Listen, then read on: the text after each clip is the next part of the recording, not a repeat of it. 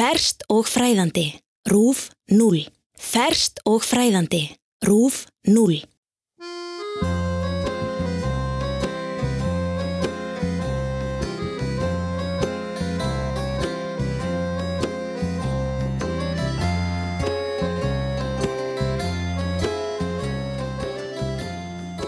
Hásettinn John Johnson stóð við stýrið á kanadíska kaupskipinu Dei Gratia um 200 sjómílur norðvestur af Asoregjum í miðju norður Allandshafi þegar hann kom auga á nokkuð við sjóndeldarhingin. Þetta var í desemberbyrjun árið 1872. Dei Gratia hafði lagt úr höfn í New York þremur vikum fyrr og var á leið þvert yfir Allandshafið til Gíbraltar með lestirnar fullar af ólíutunum. Ferðin hafði hingað til gengið betur en skipverjar þorðu að vona í upphafi. Veður spáinn hafði ekki verið sérlega góð þegar skipiði lagði úr höfn en Dei Gratia hafði sloppið við allt óveður. Það hafði verið ágætt í sjóin alla leiðina og fyrstu vikur sjóferðarinnar hafði verið almennt tíðindalitlar. Það var um eitt leitið eftir hátegi þennan dag, fjóruða eða 5. desember, sem fránegur hásettinn sá eitthvað við sjóndeldarhingin.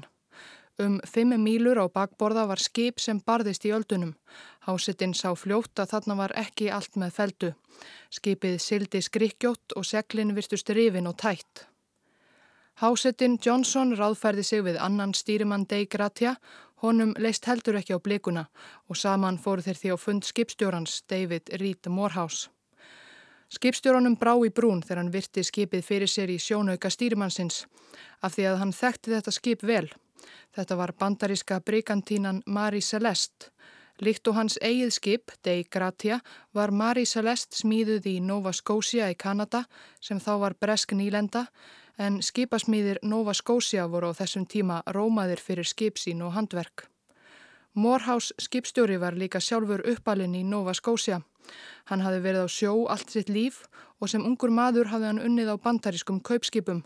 Á einu þeirra hafði hann kynst pilti að nafni Benjamin Briggs sem var kominn af gamalgróinni sjóarafjölskyldu frá Massachusetts. Þeir Morehouse og Briggs urðu ágætis félagar, báðir metnaðargerðnir ungir menn, en það voru þeir nú, nokkrum áratugum síðar, báðir ornir skipstjórar. Því Benjamin Briggs var skipstjóri brigantínunar Marie Celeste sem þarna barðist í sjónum við sjóndeldarhingin.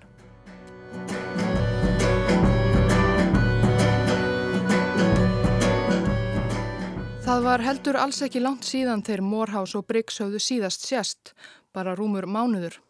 Morehouse hafði þá rekist á þennan gamla vinsinn fyrir tilviljun við höfnina á staten EU í New York. Morehouse var að býð eftir því að farmurinn sem Dei Gratia átti að flytja yfir Allandshafið, 1735 tonnur af ólíu, skilaði sér svo hann gæti lagt af stað til Gíbraltar.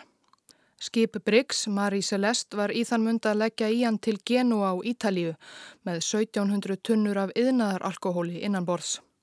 Það voru fagnar fundir með þeim Morehouse og Briggs þarna á höfninni, sérstaklega þótti skipstjórunum tveimur merkilegt að báðir voru þeirra á leiðinni mjög svipaða leiði við Allandshafið. Þeir borðuðu saman kvöldverð þann 4. november 1872, kvöldið áður en Marie Celeste lagði í hann. Sara, eiginkona Briggs, satt líka til borðs með þeim Hún og tveggja ára dóttir þeirra hjóna, Sofía, ætluð að slást með í för til Ítalju.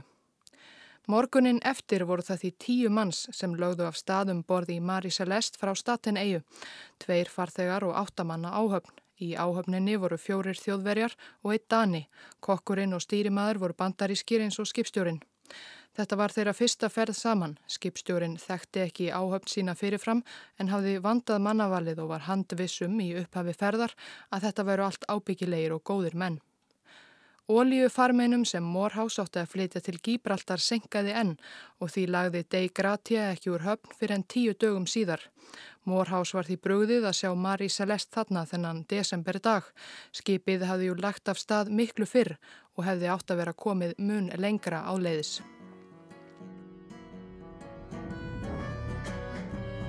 Stýrimaður Dei Gratia breytti um stefnu og hjælti í áttina að Marie Celeste. Skipið virtist reka stjórnlöst, enginn sást á þilfarinu, enginn viðbröð voru við tilraunum áhafnarinnar á Dei Gratia að kalla til Marie Celeste eða senda merki og ekkert neyðarmerki sást heldur á lofti. Nokkru síðar lagðist Dei Gratia upp að Marie Celeste og þrýr menn fóru um borð, fyrsti stýrimaður Oliver DeVoe, annar stýrimaður John Wright og hásettinn John Johnson sem fyrstur hafi komið auga á skipið. Um borði Marie Celeste fengu þeir þremenningarnir heldur lélegar móttökur. Skipið virtist vera algjörlega mannlaust. Það var eins og jörðin hefði gleift áhöfnina eða hafið öllu heldur. Skipverjarnir af Dei Gratia leituðu hátt og látt en fundu engin merki um lífum borðnema skipsköttin sem sagan segir að hafi sofið vært í messanum þegar þá barað gardi. Það var þó ekki sérlega friðselt um að lítast á Marie Celeste. Skipið hafði augljóslega rekið mannlaust í einhverja daga. Vatn flætti um tilfarið, tvö framseglöðu fókið út í veður og vind, þau sem eftir voru voru rifin og tætt. Reyðin voru sömulegis tætt og flægt og stóra dragreipið sem notað er til að draga upp stærsta seglið var slitið í tvent. Kompáskílið á þilfarinu hafði fókið burt og kompásinn sjálfur var brotin, stýris hjólið snérist stjórnlaust. Neðri í lestinni virtist dýrmætur farmur skipsins, alkohóltunnurnar vera nær óhreyfðar. Við nánari skoðun reyndust nýju tunnur tómar en allar hinnar fullar. Nó var líka eftir af drikjarvatni og matarbyrðir áhafnarinnar hefðu dugað sjóurunum lengi enn. Í vistarverum skipstjórans fundu þremenningarnir af Deigratia leiðarbók skipsins. Síðasta færslen í henni var um tíu daga gömul. Að morgni 25. november hafði Marisa Lest verið úti fyrir ströndum Asur eigunar Santa Maria með stefnuna öst-suð-östur. Um kvöldi þann sama dag var skipið komið að östur-otta Santa Maria og hafði tekið stefnuna suð-suð-vestur.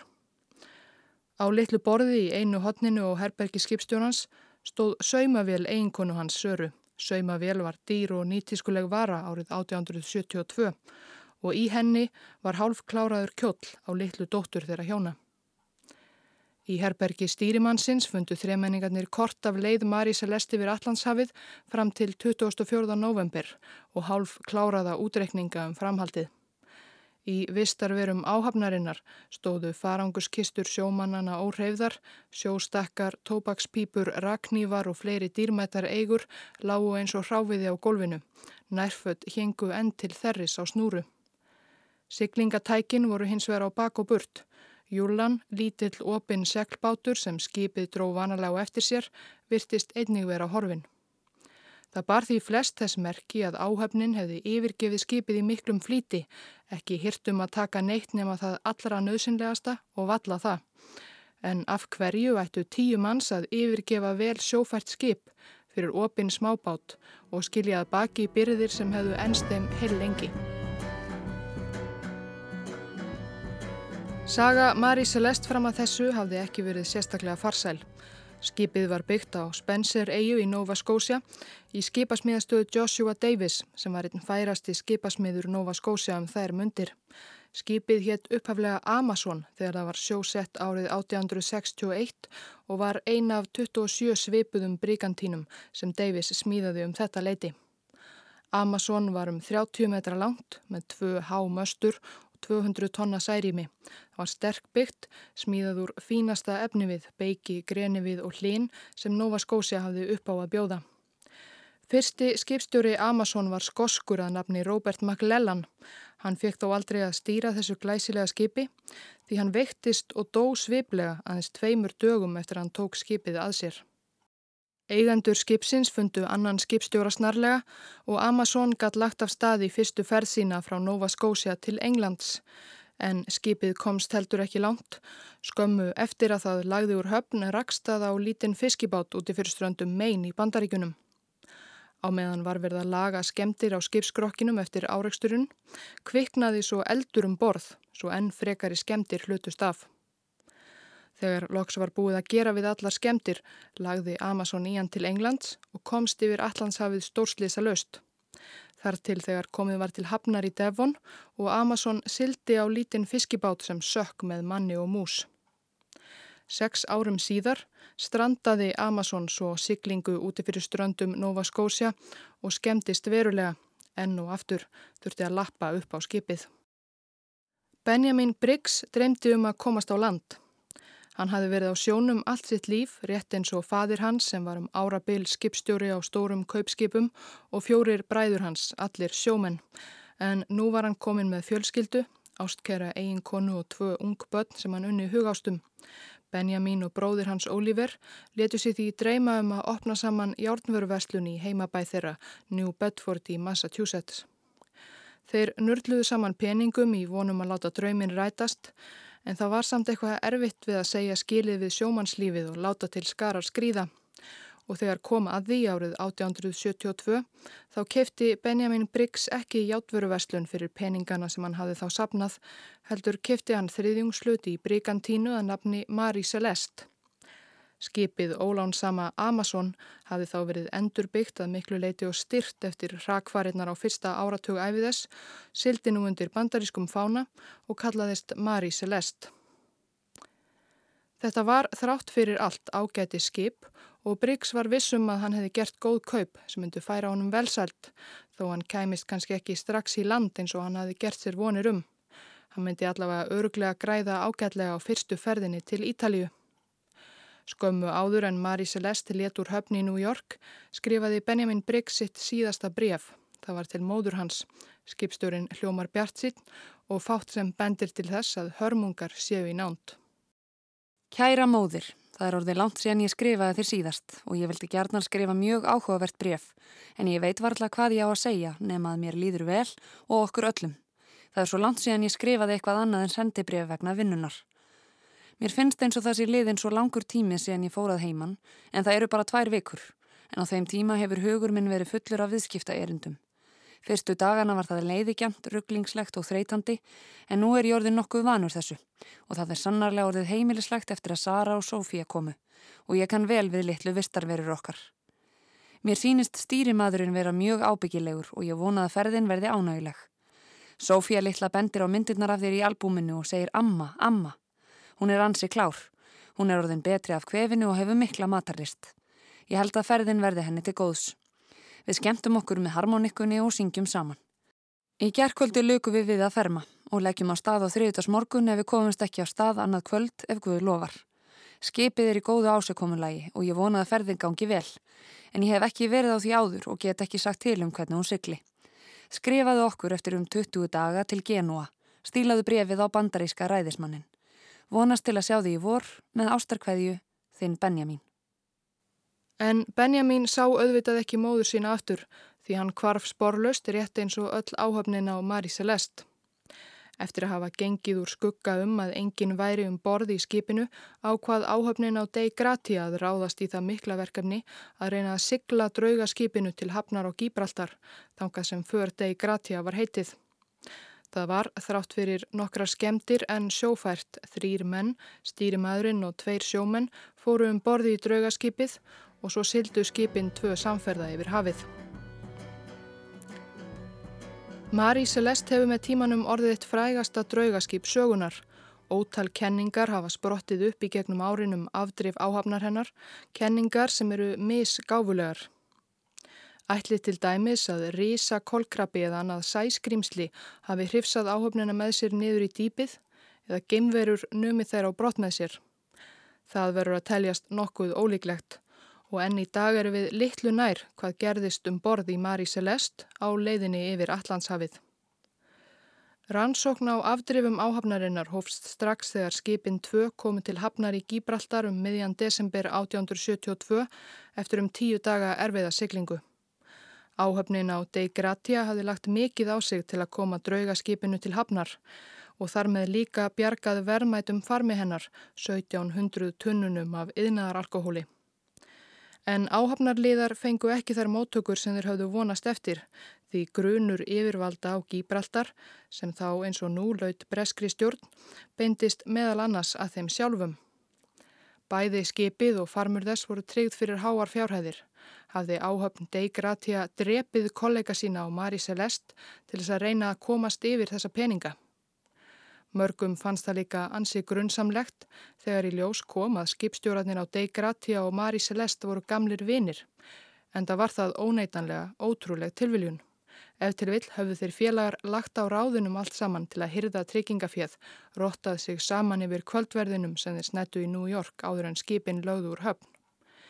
Ef það var raunin, gekk laumuspil skipstjórana ekki vel því áhöfn Dei Gratia fekk á endanum aðeins að njóta örlítils hluta af tryggingafjönu þrátt fyrir þeirra mikla björgunar afreg. Önnur kenning yfirvalda á Gíbraltar var að áhöfnin á Mari Celeste hafi ekki getað staðist mátið og fengið sér að smakka farmi skipsins tunnunum af yðnaðaralkohóli. Var það þess vegna sem nýju tunnur reyndist vera tómar þegar farmurinn var aðtúaður nánar. Skipverjar hafi á endanum orðið svo rorrandi fullir að það greip þá morðæði. Þeir hafi myrt skipstjóran Briggs og fjölskyldu hans og barist svo innbyrðist þar til einungis einn var eftir á lífi og ef til vill fjall sá útbyrðis eða kastaði sér í sjóin þegar æðið rann af honum. Eða kannski var það skipstjórin sjálfur sem æði rann á, Briggs var þekktur fyrir að vera nokkuð skapvondur og strángur. Hafði hann reyðst áhöfn sinni svo mjög fyrir einhverjar sakir að hann einfallega kálaði þeim og svo eigin fjölskyldu í leiðinni. Einn skipveri á deg Gratia fann um borði í draugaskipinu blóði drifið sverð sem þótti óneitanlega renna stóðum undir þessa kenningu. Harmleikur á sjó, ekki eina dæmið um slíkt. En nánari rannsókn á sverðinu þegar komið var til hafnar í Gíbraltar leiti í ljós að það sem skipverin hafi álitið blóðbletti voru það alls ekki, heldur einungis rið. Það eru því engar sérstakar sannanir fyrir því að morðæði hafi runnið á nokkund mann um borði í Marie Celeste. Kenning sem flestir telja sennilegri er að áhöfnin hafi af einhverjum ástæðum ákveðið sjálfveljúgað yfirgefa skipið í miklum, miklum flíti um borði í litlu júlunni eða björgunarbátnum sem var í horfin þegar skipverjar á Dei Gratia tóku eftir Marie Celeste berjast mannlust í öldunum og freistaðis eftir vill að ná landi í Azor-eigum. En það þarf eitthvað mikið til að skipstjóri taki svo afdreifaríka ákvarðun að yfirgefa skipsitt úti á rúm sjó. Hvað var það einlega sem gerðist? Margir telja að þetta megi einungis útskýra sem einhvers konar hörmulegan miskilning. Kanski helt skipstjórin af einhverjum ástæðum að von væri á miklu óveðri sem var þó alls ekki raunin. Svo miklu að réttast væri að forða sér og reyna að ná landi áður en það skilli á. Briggs skipstjóri hafði gert sér vonir um ágætan gróða að ferðinni. Yðinaðar alkohólið var ætlað ítölskum vingerðarmönnum til að styrkja léttvín sín. En þrátt fyrir að vera margreindur skipstjóri og sjómaður hafði Briggs aldrei silt með slíkan farm áður og ekki ólíklegt að þó hann hafi verið bjart sítn í upphafi ferðarinnar yfir Allandshafið hafi farmurinn sem hann átti að flytja með sér gert hann örlítið tauga ástyrkan. Þetta voru jú mörg hundru tunnur af bráð eldfumum vökva. Sú kenning sem margir aðhyllast er að lekið hafi úr nokkrum tunnum í lestinni, þessum nýju sem fundust tómar. Ekki endilega mikill leki en nót til þess að gufur af rótsterku alkohólinu fylltu lestarrýmið Tauga óstyrkur skipstjórin hafi þó óttast að sprenging geti orðið um borði skipinu þar sem ekki þyrti þá nema einn neista til að ofsafengin eldur blossaði upp í alkohólinu. Því hafi hann ekki þórað annað en að yfirgefa skipið. Heilu bækurnar hafi verið skrifaður um ráðgátuna Marie Celeste og hún hefur líka orðið efni viður í skáldskap. Arthur Conan Doyle, skapari Sherlock Holmes, gaf til dæmis árið 1884 út smásögu sem byggir á raðgátinni. Sagan heitir Vittnisspurður Jóð Habakúk Jefsson og vinsældir hennar áttu vafa lítið mikinn þátt í því að festa góðsögnuna um Marie Celeste í sessi. Í sögu Conan Doyle eru nokkrir farþegar um borði í skipinu Ólánsama sem heitir þar líka Marie Celeste en skrifað örlitið öðruvísi, Marie með IE í endan en ekki Ypsilon eins og skipið hétt í raun og einn farþegana, blökkumadur frá New Orleans, tekur skipið yfir með valdi og siglir á því allarleið til Afríku þar sem hann myrðir bæði farþega og áfögn af miklum ofsa og grymt. Sögumadurinn, Jóð Habakuk Jefsson, sleppur þó lifandi úr þessum hremmingum Þetta er gamal bandarískur læknir, afar snjall og bent hefur verið á að hann gæti verið eins konar frumgerð af frægari personu sem Conan Doyle átti þarna enn eftir að skapa, lækninum Watson aðstóðarmanni Sherlock Holmes. Skemdir á breykantinunni Marie Celeste voru ekki alvarlegar. Aðal eigandi skipsins sem átti tvo þriðju hluta á móti einum þriðja skipstjóran sem nú var horfin, hann kærði sig þó ekki lengur um þetta ólánsama skip. Hann létt siglaði frá Gíbraltar aftur til Bandaríkjana þar sem hann seldi það eins fljótt og hann gatt. Næstu 13 árin skipti skipið 17 sinnum um hendur. Marie Celeste var í mjög lélegu ásikommulagi í janúar árið 1885 þá sildi síðasti eigandi skipsins í Karibahafið með lestirnar fullar af brotajátni, gömlum, stíguvelum, kattamat og öðru drasli. Á Kóralrifi úti fyrir vestuströnd Hispanjólu sildi hann svo Marie Celeste í strand og kveikti svo í skipinu. Eigandin reyndi síðar að halda því fram að Maris Lest hafi verið hlaðin verðmætum varningi en ekki rusli og drasli og reyndi að heimta fyrir varningin tryggingabætur. Svo tilraun tókst ekki og eigandin var dæmtur í fangelsi fyrir tryggingasvipk. Hálf brunnið flag Maris Lest sökk svo í Karibahafið þar sem það kvílir enn.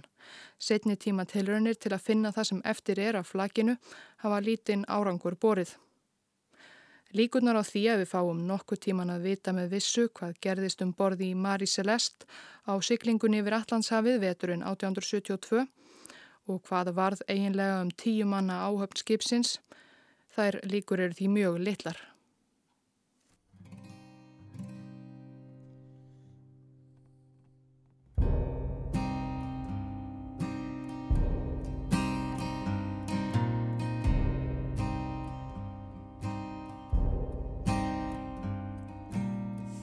Score years living down in this rain-swept town.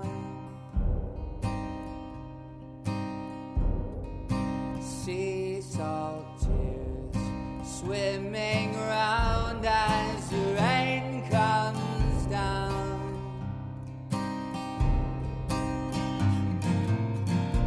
Mr. Postman?